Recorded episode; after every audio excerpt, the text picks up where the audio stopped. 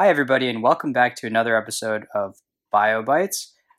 Tuuli, could, without further ado, could you please introduce yourself, tell us a little bit more about your work, sort of how you got attracted to the work that you currently do? So yeah, hi everyone, and thanks for having me on. So my name is Tuuli Lappalainen. And I'm an assistant professor at the Department of Systems Biology at Columbia, and also a core faculty member at the New York Genome Center, uh, which is a, an independent nonprofit research institute in in downtown uh, Manhattan. And my research focuses on genetic variation in human populations. I'm a geneticist, human geneticist by background, and my, my lab focuses on studying how these genetic variants that we all carry, how they give rise to the sort of diversity of human phenotypes, human traits in general. And in particular, we're focused on, on understanding how genetic variants affect cellular and molecular functions you could imagine that, for example, if I carry some genetic variant that gives me a little bit higher risk for, let's say, developing cardiovascular disease, then the, one of the key questions um, to understand would be that what are the molecular and cellular effects of that variant? What are the key sort of very low level pathways, how this variant somehow perturbs some molecular processes that eventually lead to this kind of physiological change of a, of a change in, in, in disease risk. But we don't study in just um, diseases. We study all kinds of human traits and really just sort of trying to try to pin down some of the molecular mechanisms of genetic effects on just inter-individual variation in, in the human population. I see. And uh, I'd imagine that this has sort of become uh, very complicated as people have understood traits to be more than just uh, simple Mendelian. So, could you briefly uh, talk a little bit more about um, how polygenic factors um, have affected how you treat your work and how uh, the development of certain uh, new computational tools have improved capabilities? Yeah, definitely. So, so we now have a very good understanding how com- complex uh, most human traits and diseases are.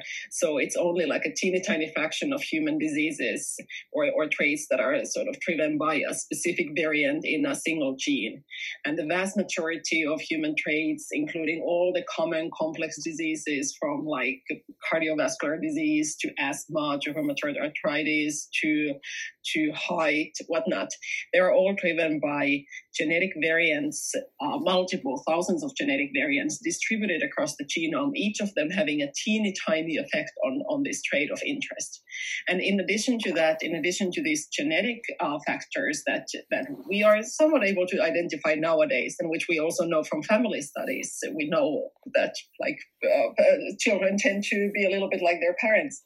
In addition to these genetic uh, factors, there is also a lot of environmental factors that affect these things. So we all know that, for example, um, let's say your risk of uh, developing, well, let's go back to cardiovascular uh, disease, is not just about your genes. It's also about your diet and, and, and your exercise and other kinds of habits and potentially pollution and these kinds of environmental risk factors.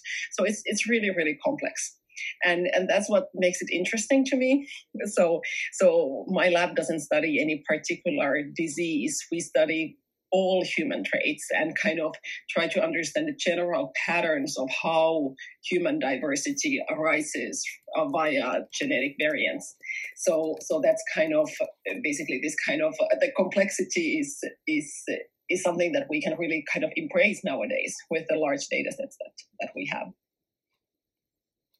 um, so your work on the new computational method analysis of expression variation, ANEVA, um, and its extension, ANEVA dosage outlier test, ANEVA dot, was recently published in Science. Um, we would like to know how you and your colleagues kind of came up with the idea behind ANEVA. Yeah, so that's um, that's a good question. I don't know if I even remember myself. It's I think it's probably a little bit like many research projects that me and my my postdoc, uh, then postdoc Pejman Mohammadi, um, who now has his own lab at at the Scripps Institute in in uh, California. So, so, so, so he was he was in my lab, and we were just kind of like playing around with different analysis ideas of how to sort of like capture certain types of, of uh, genetic variants that affect gene expression and how we could better sort of model them. Uh, he's he's a statistical machine learning uh, guy, and and my background is in biology, so it was really this kind of like a dream team of of having both the kind of biological insight and understanding of those questions, and then his technical abilities and, and insight into how to really really get everything out of these data. Um, yeah, so it, it I think it's it's one of those projects that kind of like grew pretty organically. Uh, that we didn't sort of like start this project with a very specific question in mind. That like, hey, let's build a tool that allows us to to uh, find find basically rare, better diagnose rare disease patients. But then that's kind of like where when we uh, work on, on, on some of these questions and some of these data a little bit further, we understand the potential that we have in the data and, and in the methods that we have developed to basically build better abilities to to identify for rare disease patients what are actually the genes that are potentially kind of broken uh, in them and, and potentially responsible for their condition. So, was there any sort of um, uh, historical intuition or past papers that were especially influential when you were trying to come up with the model? For that paper, yes. So, so my background is in in is in population genetics, and I spent a lot of a lot of my time during my PhD and during my postdoc thinking about the sort of um, evolutionary sort of underpinnings or evolutionary background of genetic variation in humans and also functional variation in humans. When we have these variants that, for example, affect gene expression or human traits, kind of like trying to understand what kind of evolutionary forces natural selection and other those other forces have how those processes have given rise to the spectrum of variation that we see currently so some of the thinking about how how um, natural selection um, and especially negative selection, sort of like selective constraint, acts on gene expression. Some of the earlier work on that was really influential. And one of the things, on, and on the other side, on the more practical side of like the sort of patient applications of this work, there, um, what was really inspiring uh, for us was a lot of the work that has been done to analyze exome sequencing data in rare disease patients, where actually the research community and, and the clinical community has become really, really good at being able to look at just kind of the protein coding parts of, of genes and identifying mutations that may be kind of uh, actually breaking the gene and, and then giving rise to a rare disease. But what we wanted to do here was to kind of um, basically go beyond the somewhat low lower hanging fruits and, and really go for the more challenging types of genetic variants that are not necessarily easily identified just from genome data alone, but where we need also RNA sequencing and kind of gene expression data to be able to find variants that potentially affect gene expression and not uh, and aren't kind of obvious gene gene breaking coding mutations. So so that was kind of there was a lot of work on on on, on that side where we that we wanted to uh, kind of push further. Hmm, I see. So it seemed like it was a pretty uh, comprehensive model that considered a lot of things, but um, could you speak maybe a little bit on some of the limitations of the ANEVA ANEVA dot model uh, and how we plan on uh, addressing those limitations and what challenges stand in the way? Yeah, so so basically, how the model works is that is that we first use uh, population data from sort of normal more or less healthy individuals to model for each gene how much genetic regulatory variation each gene has to kind of distinguish those genes where kind of you can mess around with them. That like if you if you if there's a mutation that changes this gene's expression those mutations tend to be kind of pruned away by natural selection. But then and, and then distinguish these kinds of genes from genes that are kind of all over the place that can be expressed highly or lowly in in between you and me and whatever and it, it really doesn't matter Um, so so this kind of modeling that we did, uh, like I think it's a it's a it's a very sophisticated model and it it does work, but but but there is there is still some of the data sets are not quite as large as we would want it to be, and and some of the kind of just complications in the data, of course, make the models not exactly perfect.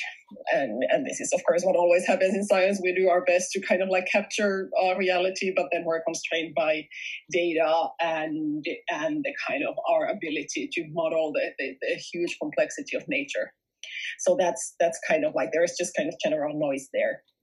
Um, and then when it comes to the ANEVA dot part, the, the application to patients, um, the type of data that we use in our models, it's kind of it's very clean type of data. Um, but but the problem is that it's it's it's we don't always have that type of data from every gene from every individual.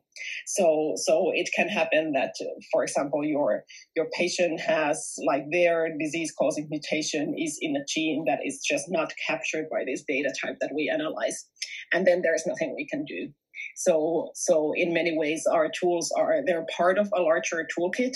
They're not not kind of like a silver bullet that alone will solve sort of every single rare disease uh, uh, case um, it's uh, it's complicated and you need to kind of like use multiple different tools to cast like a bigger net and, and capture as much as you can.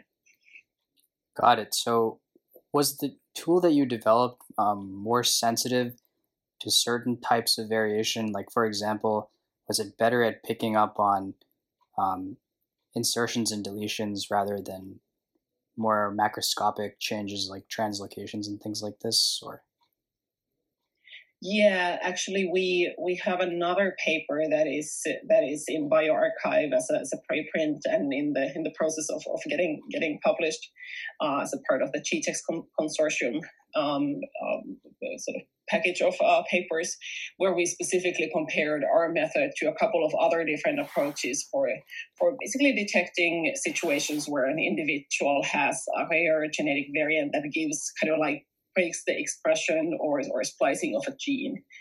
And it, and from these comparisons, we could see that that we're actually not very good at capturing these the the uh, gene expression effects of very large uh, structural variants in the genome.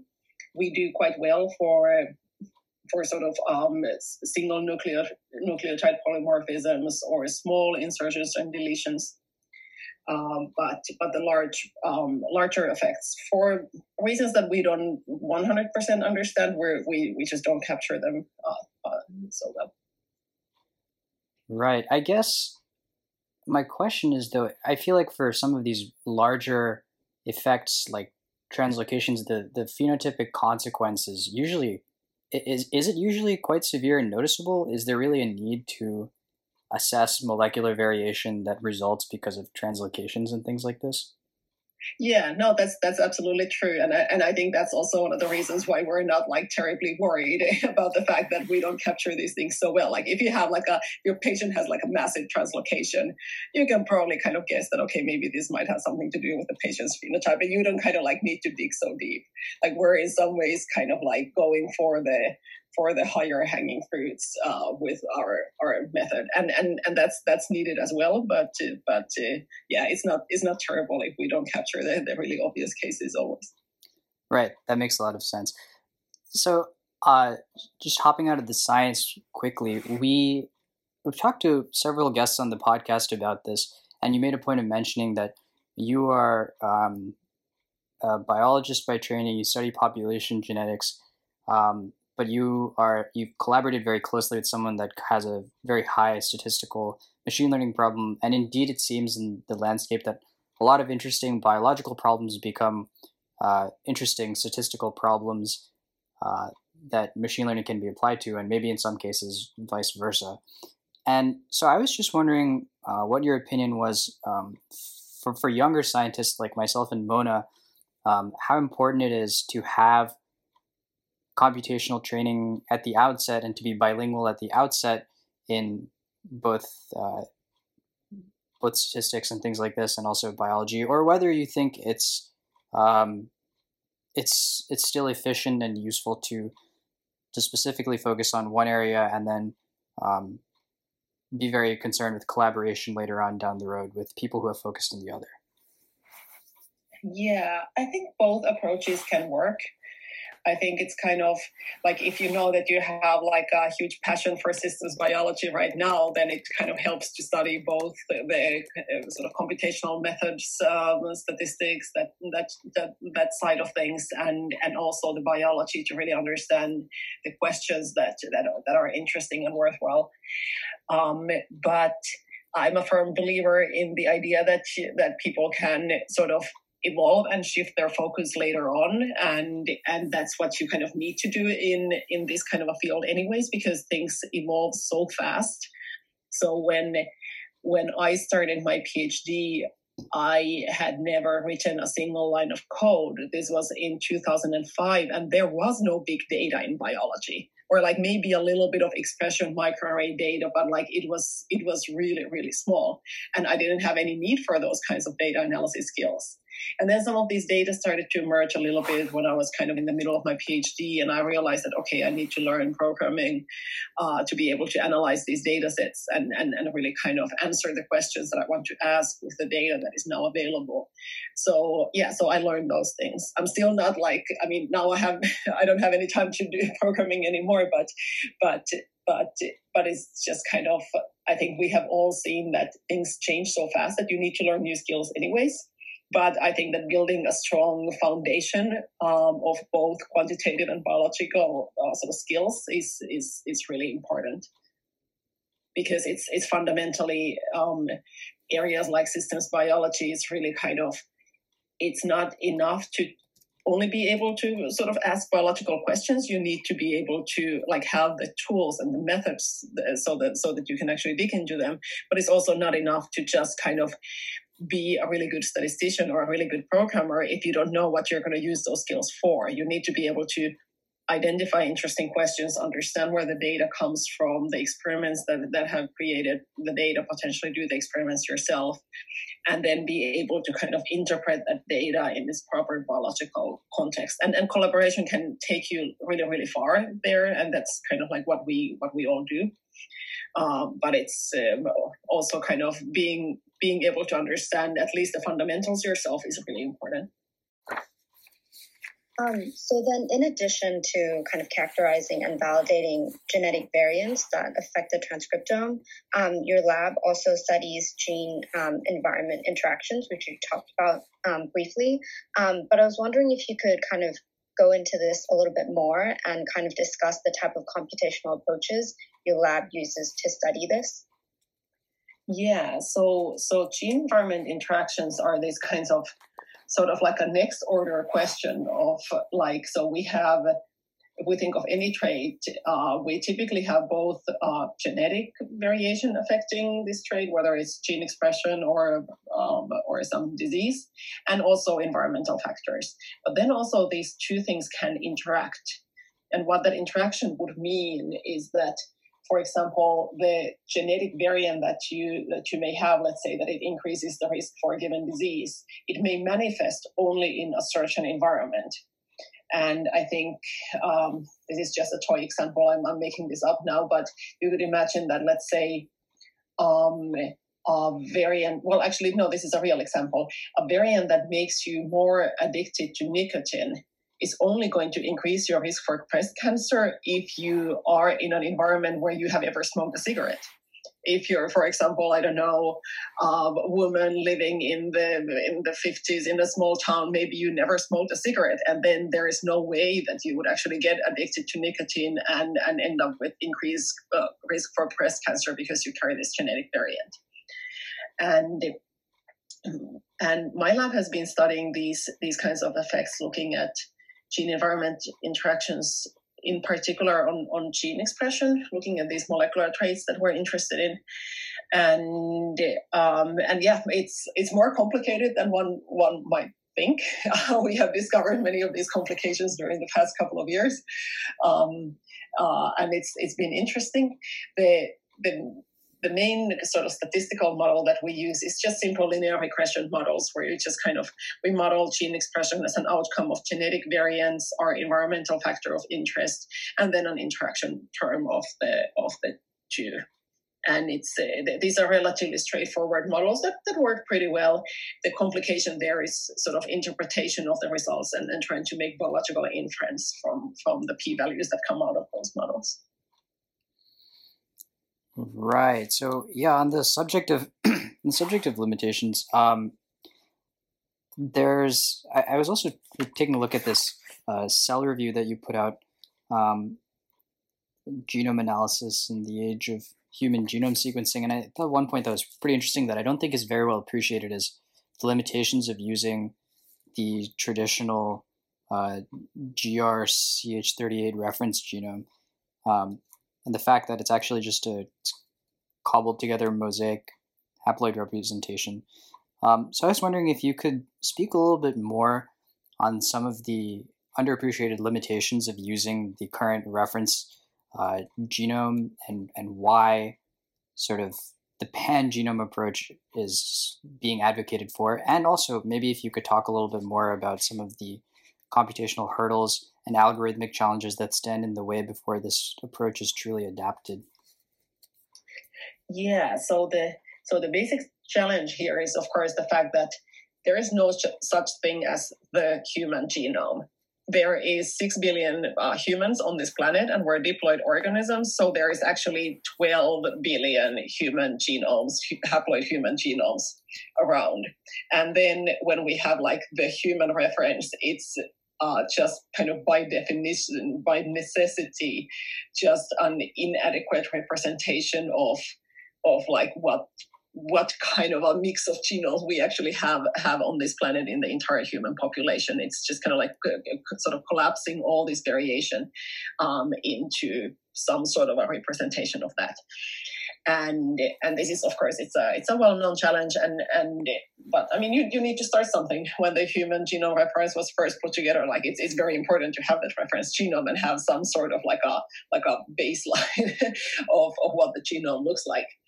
But but now it's increasingly sort of acknowledged um, that that that this the fact that uh, the reference genome fails to represent human diversity it causes various different different problems in our analysis.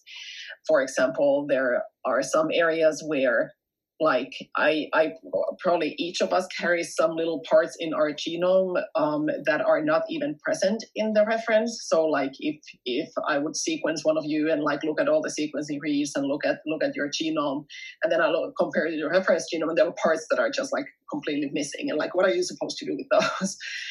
and one big problem is that um, is that um, the population diversity um, of of uh, basically um, uh, individuals with origins or ancestry in different different continents, the genetic variation in those is not equally represented in the reference genome. Um, actually, the re- reference genome has a substantial proportion of African ancestry, so so so that's that's not sort of like that particular population is is in this particular case not hugely biased against, but but many other populations like genetic variants that are present in those populations, or or or including some some segments, some structural variants that are present are, are missing from the reference genome, but but now we are luckily um, starting to have the technology to be able to fix this. So, so as you mentioned, this kind of a pan genome um, effort is an is an um, idea or an effort to basically create a representation of the human genome that is more like a like a graph uh, instead of like a one linear genome that will be able to represent um, diversity um, um, in uh, in in in human populations.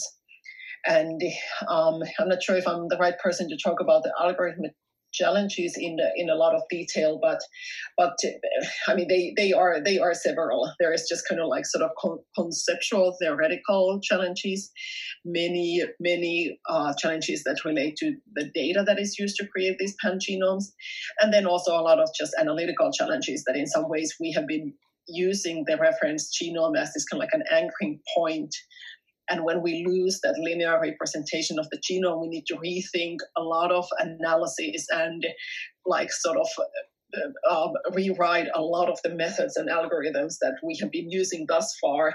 The sort of the past 20 years of, of um, history of bioinformatics tools need to be rethought. And that's just going to be a pretty big headache and, and just kind of like a practical hurdle, hurdle in, in moving towards the pangenome. Yeah, it certainly seems that way. Uh, could you could you give a little bit more clarification on what the actual like graph structure of a pan genome representation would look like? Like, are each of the nodes going to be like a, a vector that represents all like a specific set of genetic variations in a population subtype, or how how is exactly is the data conceptualized there? Yeah, so if we kind of uh, first just we think about let's say a uh, 100 base pair fragment in like chromosome one, and and we have two individuals genomes and we're creating a pan genome out of those. And these two genomes have a single nucleotide variant between them that like in some in in some um, position one individual has a g and another individual has an a. What this would look like in the graph genome is that you sort of like have it would be good to have like a whiteboard here, but unfortunately, this is a podcast. It would be very easy to to uh, draw it. That you sort of like have kind of like a like a single line, sort of like a like the normal reference uh, genome, just like a linear representation for the rest of that fragment. But then when you have that that little variant, you create kind of like a bubble where you have sort of you might have the sequence going like G C A A T C whatever, and then there is like a little split into A or G, and then you kind of like unite that again.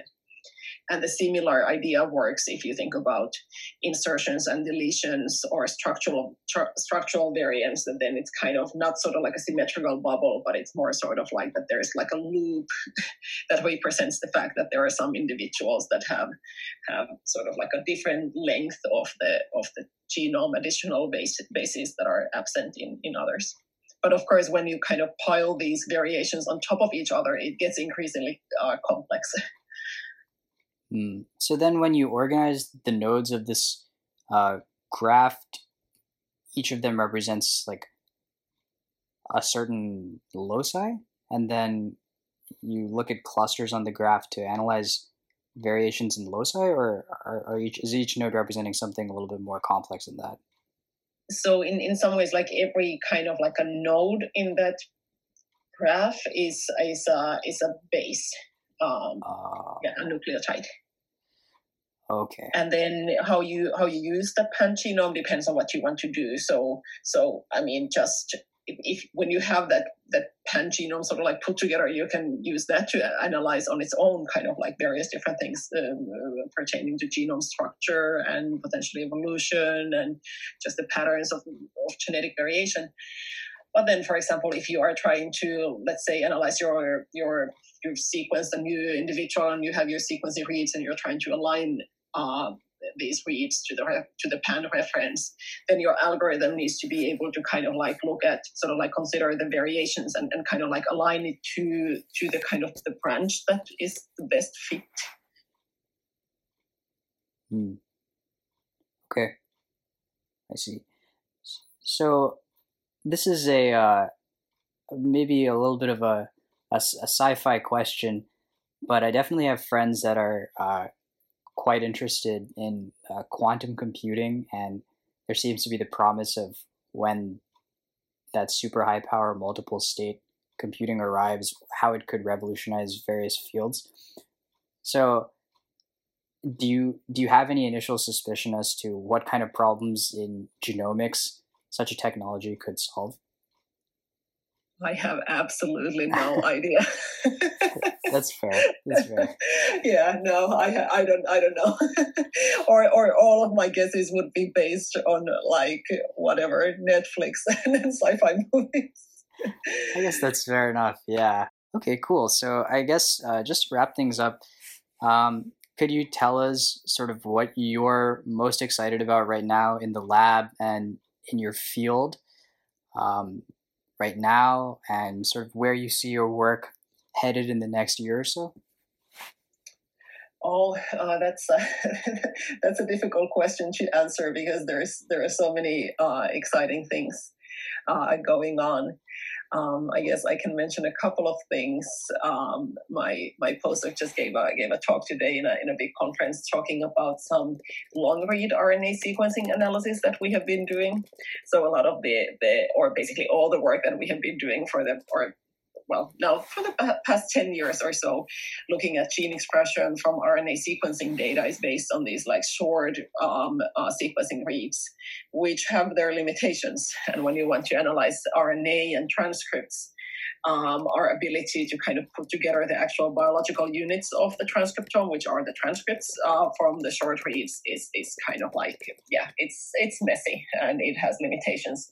But now there is there is uh, really exciting technology that is emerging that allows us to actually sequence thousands of base pairs uh, and really get these these sort of long reads from from different transcripts. And, and we've been working on on uh, really large data sets of that type of data and, and sort of looking into different type of uh, data after 10 years of staring staring into these short reads and then just seeing these kind of like thousands of base pairs of a read just go like and represent the entire transcripts is just uh, really exciting.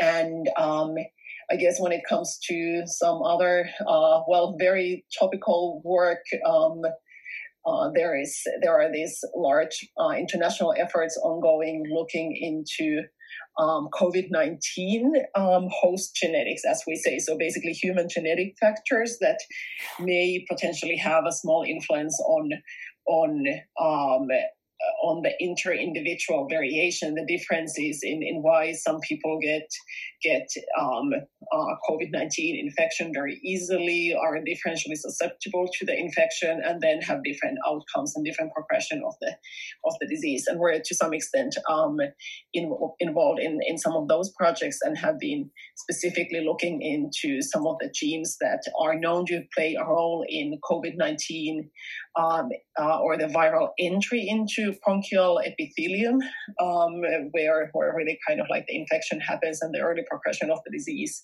So looking into genes that are known to affect that process and what kind of regulatory variants affect those genes. So, so kind of human genetic variants that may affect the expression level that we have for, for some of the genes that, for example, interact with viral proteins. So so that's kind of uh, very much an ongoing project, but but uh, something that is really really exciting right now and kind of motivating in in the sense of trying to do our our uh, small small uh, little part in in contributing to understanding of this this pandemic. Yeah, I was just going to ask if you guys were studying uh, genetic variation that leads to host susceptibility, and is there is there anything? I know it's very early, but is there any uh, preliminary interesting information that you found uh, that you didn't expect to see, or is it just too early to say at this point? Um, I mean, the, the work that the project that we are doing is not something that will sort of like really reveal human genetic variants that really affect virus. We're, we're with the data that we have, we're able to create hypotheses that then can be studied uh, further and some of the other um, the international COVID uh, GWAS Genome-Wide Association study efforts, uh, they're still uh, too small and underpowered, and and there is no no real indication from those studies yet. But it will be extremely exciting to see what what the next few months uh, bring. I'm sure. Well. Um, Dr. Tuuli Lappalainen, thank you so much for your time. We really appreciate it. And we hope um, that those of you listening uh, also learned something interesting about genomics today and, and found this a great experience. So thank you so much for joining us. Thanks for having me.